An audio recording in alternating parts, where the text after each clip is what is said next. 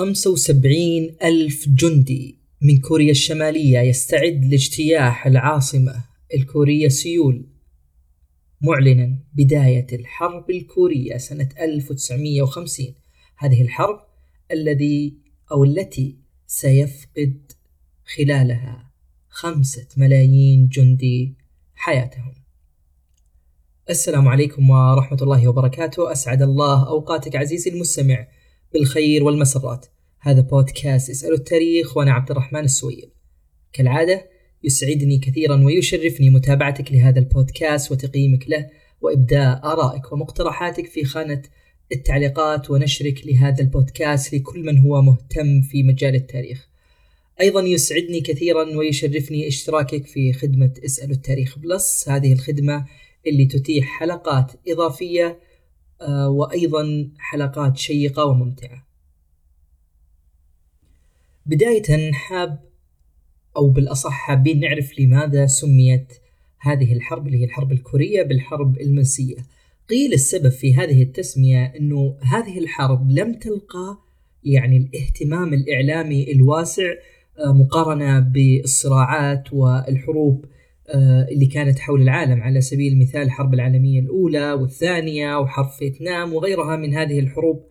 فما لاقت هذه الحرب رواجا مثل مثل الحروب السابقة. ونقصد برواج هنا آه، تعاطي الإعلام معها والاهتمام العالمي على هذه الحرب. فلذلك سميت هذه الحرب الحرب المنسية.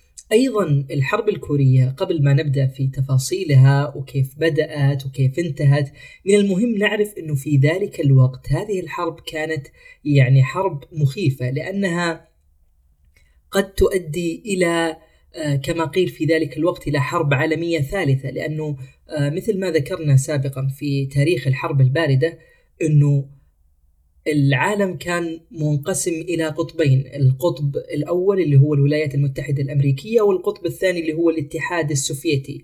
كان آه هذان القطبان هما المنتصران بعد الحرب العالمية الثانية وكان يعني هم القوى المسيطرة في هذا العالم. لذلك كان الالتحام بينهم في هذه الحرب كان مخيف خصوصا إنه هذا أول عمل عسكري يجمع هاتين الدولتين في الحرب الباردة. طبعا بشكل غير مباشر لم تكن حرب مباشرة ما بين الاتحاد السوفيتي وأمريكا ولكن كان كل منهم يدعم طرف في هذه الحرب كما آه، سنوضح آه، يعني في آه، الدقائق التالية. فمن المهم نعرف أن هذه الحرب كانت حرب مخيفة كانت حرب قد تؤدي إلى حرب عالمية ثالثة كما أنه ليست وحدها اللي هي روسيا أو الاتحاد السوفيتي من هي يعني تثير القلق. أيضا كان هناك دولة الصين اللي دخلت على الخط. كل هذه التفاصيل إن شاء الله راح نعرفها في هذه الحلقة بإذن الله.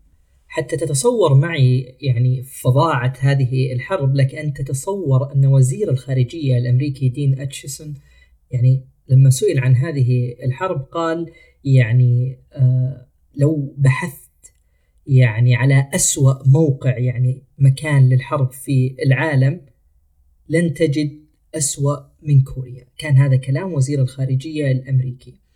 طبعا من المهم جدا أنه نعود بالزمن قليلا للوراء حتى نفهم لماذا وكيف بدأت هذه الحرب. الإمبراطورية اليابانية اللي شاركت في الحرب العالمية الثانية بجانب آه، ألمانيا النازية احتلت شبه الجزيرة الكورية في عام 1910 ميلادي إلى 1945 اللي هي يعني السنة اللي خسرت آه، فيها ألمانيا وكذلك الإمبراطورية اليابانية الحرب العالمية الثانية. طيب لما خسرت الإمبراطورية اليابانية الحرب العالمية الثانية أصبحت كل الدول اللي تحتلها واللي تمتلكها هي بيد أمريكا والاتحاد السوفيتي حتى يقسمها كيفما يشاء. فقيل أنه اثنين من الشباب في وزارة الخارجية الأمريكية قاموا بتقسيم شبه الجزيرة الكورية هذه إلى نصفين. طبعا قسموها بناء على ماذا؟ آه في خط يعرف ب يعني اسما بخط عرض 38 يعني لو بحثت عنه الآن وكتبته في جوالك آه، ستجد خط عرض 38 شمال هذا هو خط آه، موازي لخط الاستواء يقسم العالم كامل يعني. فلك أن تتخيل أنه هذا الخط يمر في شبه آه، كوريا أو في شبه الجزيرة الكورية ويقسمها إلى قسمين قسم شمال وقسم جنوب. اللي حصل أنه الشابين هذولا قاموا بتقسيم كوريا أو شبه الجزيرة الكورية إلى قسمين قسم شمال وقسم جنوب. القسم الجنوب اللي هو كوريا الجنوبية آه، أصبحت في يد الولايات المتحدة الأمريكية وكوريا الشمالية أصبحت في يد الاتحاد السوفيتي. وتشكلت دولتان دولة مثل ما ذكرنا في الشمال مدعومة من الاتحاد السوفيتي ودولة في الجنوب مدعومة من الولايات المتحدة الأمريكية. طبعا آه، يعني في ذلك الوقت كان هناك يعني توترات كبيرة ما بين هاتين الدولتين الحديثتين والسبب لماذا؟ السبب إنه كل منهم يزعم إنه هو المستحق لشبه الجزيرة الكورية كاملة يعني كلا الدولتين يرى إنه كوريا المفترض أن تكون كوريا واحدة ولا تكون مقسمة إلى شمال وجنوب وكل منهم يدعي إنه آه، هو المسؤول وهو يعني اللي مفترض يعني يحكم آه، كوريا بشكل يعني كامل. هذا يعني اللي كان في ذلك الوقت.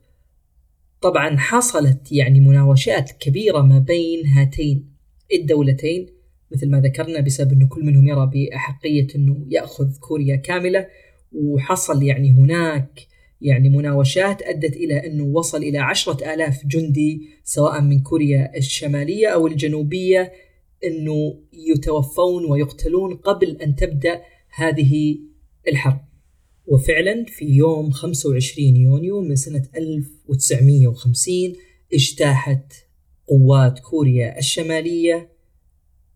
هذا الخط اللي ذكرناه سابقا خط عرض 38 باتجاه العاصمة آه، الكورية الجنوبية سيول.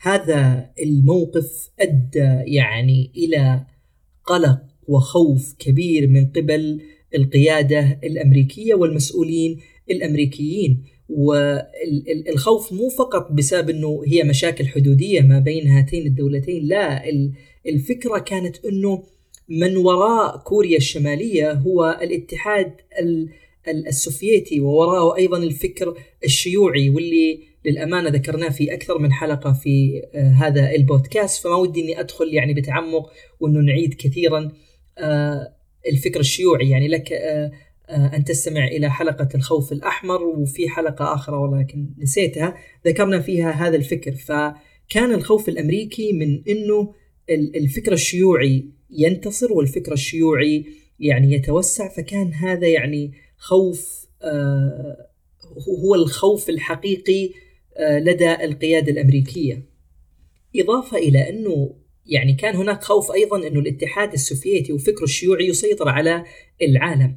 فكان هناك يعني يعني يذكر إنه في سنة 1950 جاء تقرير مجلس الأمن القومي الأمريكي يعني يحث الولايات المتحدة الأمريكية على أنها تستخدم القوة العسكرية لاحتواء أي تمدد أو توسع شيوعي في أي مكان في العالم بغض النظر عن القيمة الاستراتيجية أو الاقتصادية لهذه آه، أو لهذا المكان اللي أرادت احتلاله الاتحاد السوفيتي. يعني الفكرة بشكل مختصر جدا إنه هذا المجلس أوصى إنه يجب على أمريكا أن توقف التوسع الشيوعي ايا كان بغض النظر. إن شاء الله لو إن هذا المكان ليس له أي قيمة لا استراتيجية ولا عسكرية ولا اقتصادية ولا له أي معنى. الفكرة إنه يجب أن نوقف هذا المد الشيوعي.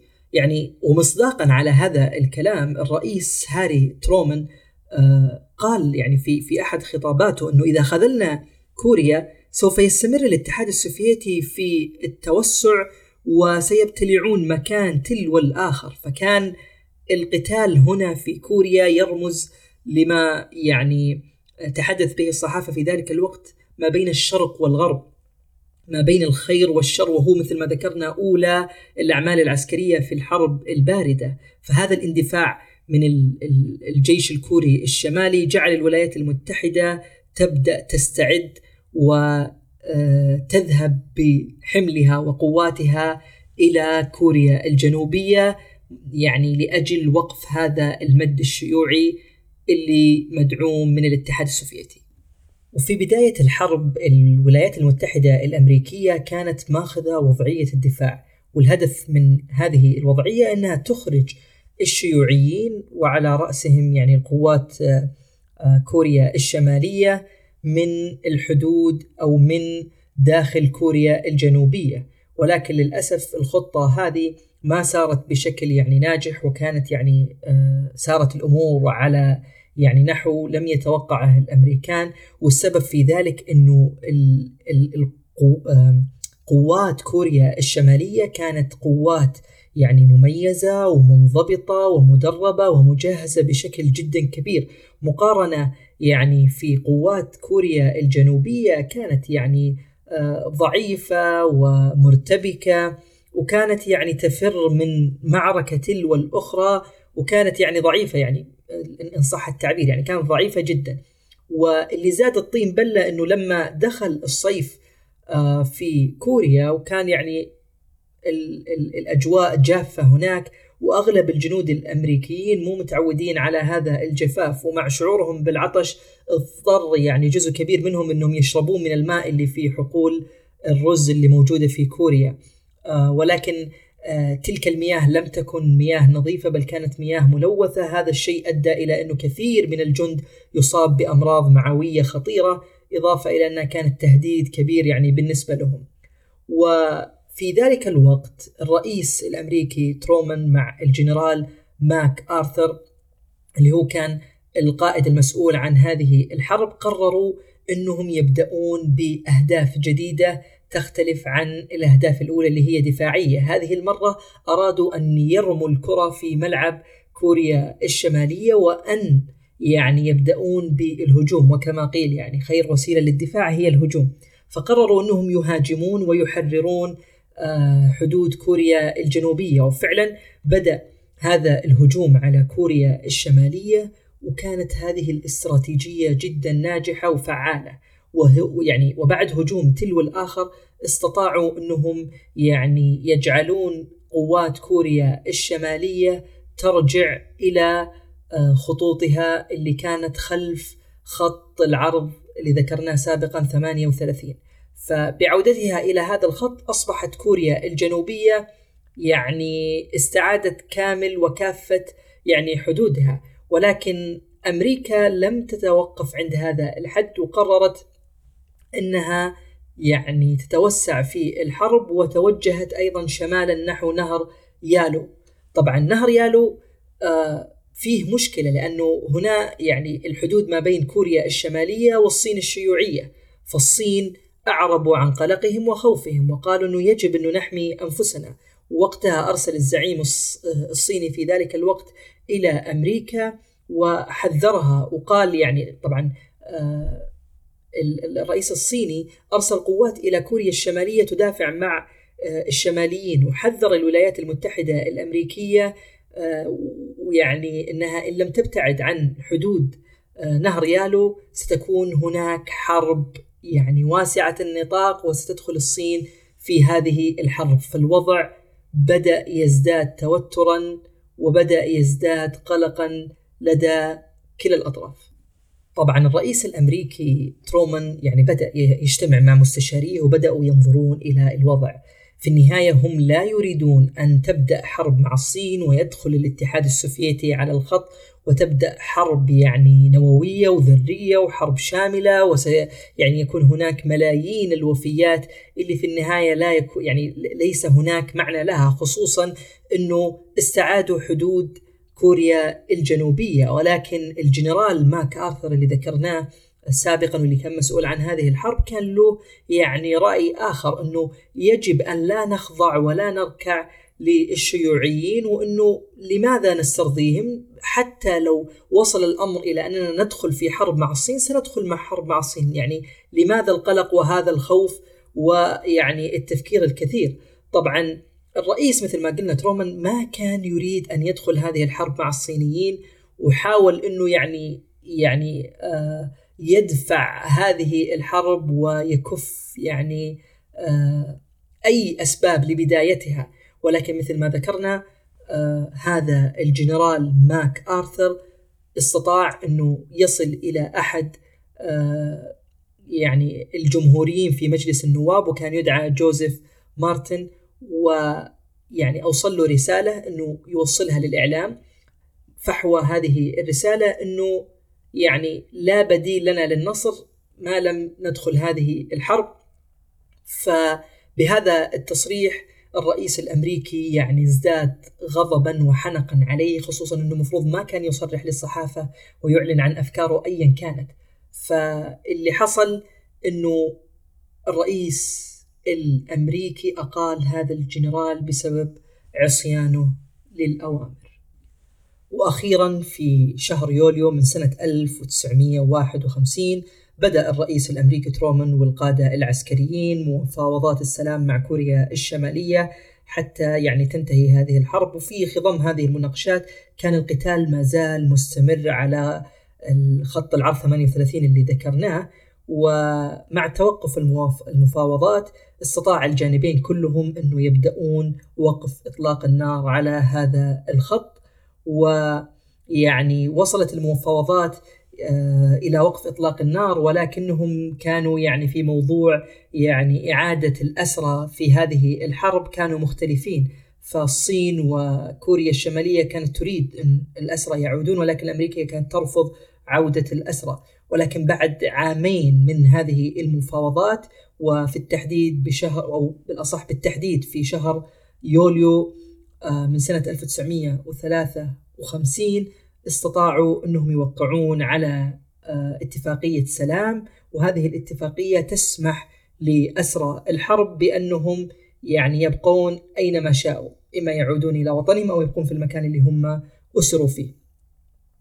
طبعا بعد ذلك أيضا آه، من خلال يعني الأشياء اللي في هذه الاتفاقية إنهم رسموا حدود يعني آه، جديدة على خط العرض اللي ذكرناه 38 هذا أو هذه الحدود أعطت كوريا الجنوبية 1500 ميل إضافية لم تكن لهم في السابق. إضافة إلى ذلك أنشأوا منطقة منزوعة السلاح آه، بعرض 2 ميل وهي ما يعني ما تزال موجودة إلى يومنا هذا. الحرب هذه الحرب الكورية كانت حرب يعني مؤلمة وعلى أنها يعني تاريخيا تصنف أنها من الحروب القصيرة وليست الحروب يعني الطويلة ولكن لك أن تتخيل إنه خمسة ملايين شخص ماتوا في هذه الحرب 10% منهم كانوا من المدنيين وهذا المعدل يعتبر كبير ومخيف لأنه آه، أعلى بكثير من المدنيين اللي قتلوا في الحرب العالمية الثانية وأيضا في حرب فيتنام. إضافة إلى ذلك أربعين ألف أمريكي قتلوا في هذه الحرب وبينما أصيب مئة ألف منهم في هذه الحرب. لذلك هذه الحرب كانت حرب مؤلمة حرب كانت يعني تاريخيا لها الأثر الكبير في تسيير حقبة آه، الحرب الباردة ما بين الاتحاد السوفيتي والولايات المتحدة الأمريكية. إلى هنا عزيزي المستمع تنتهي هذه الحلقة. أستودعك الله الذي لا تضيع ودائعه. كن بخير في أمان الله.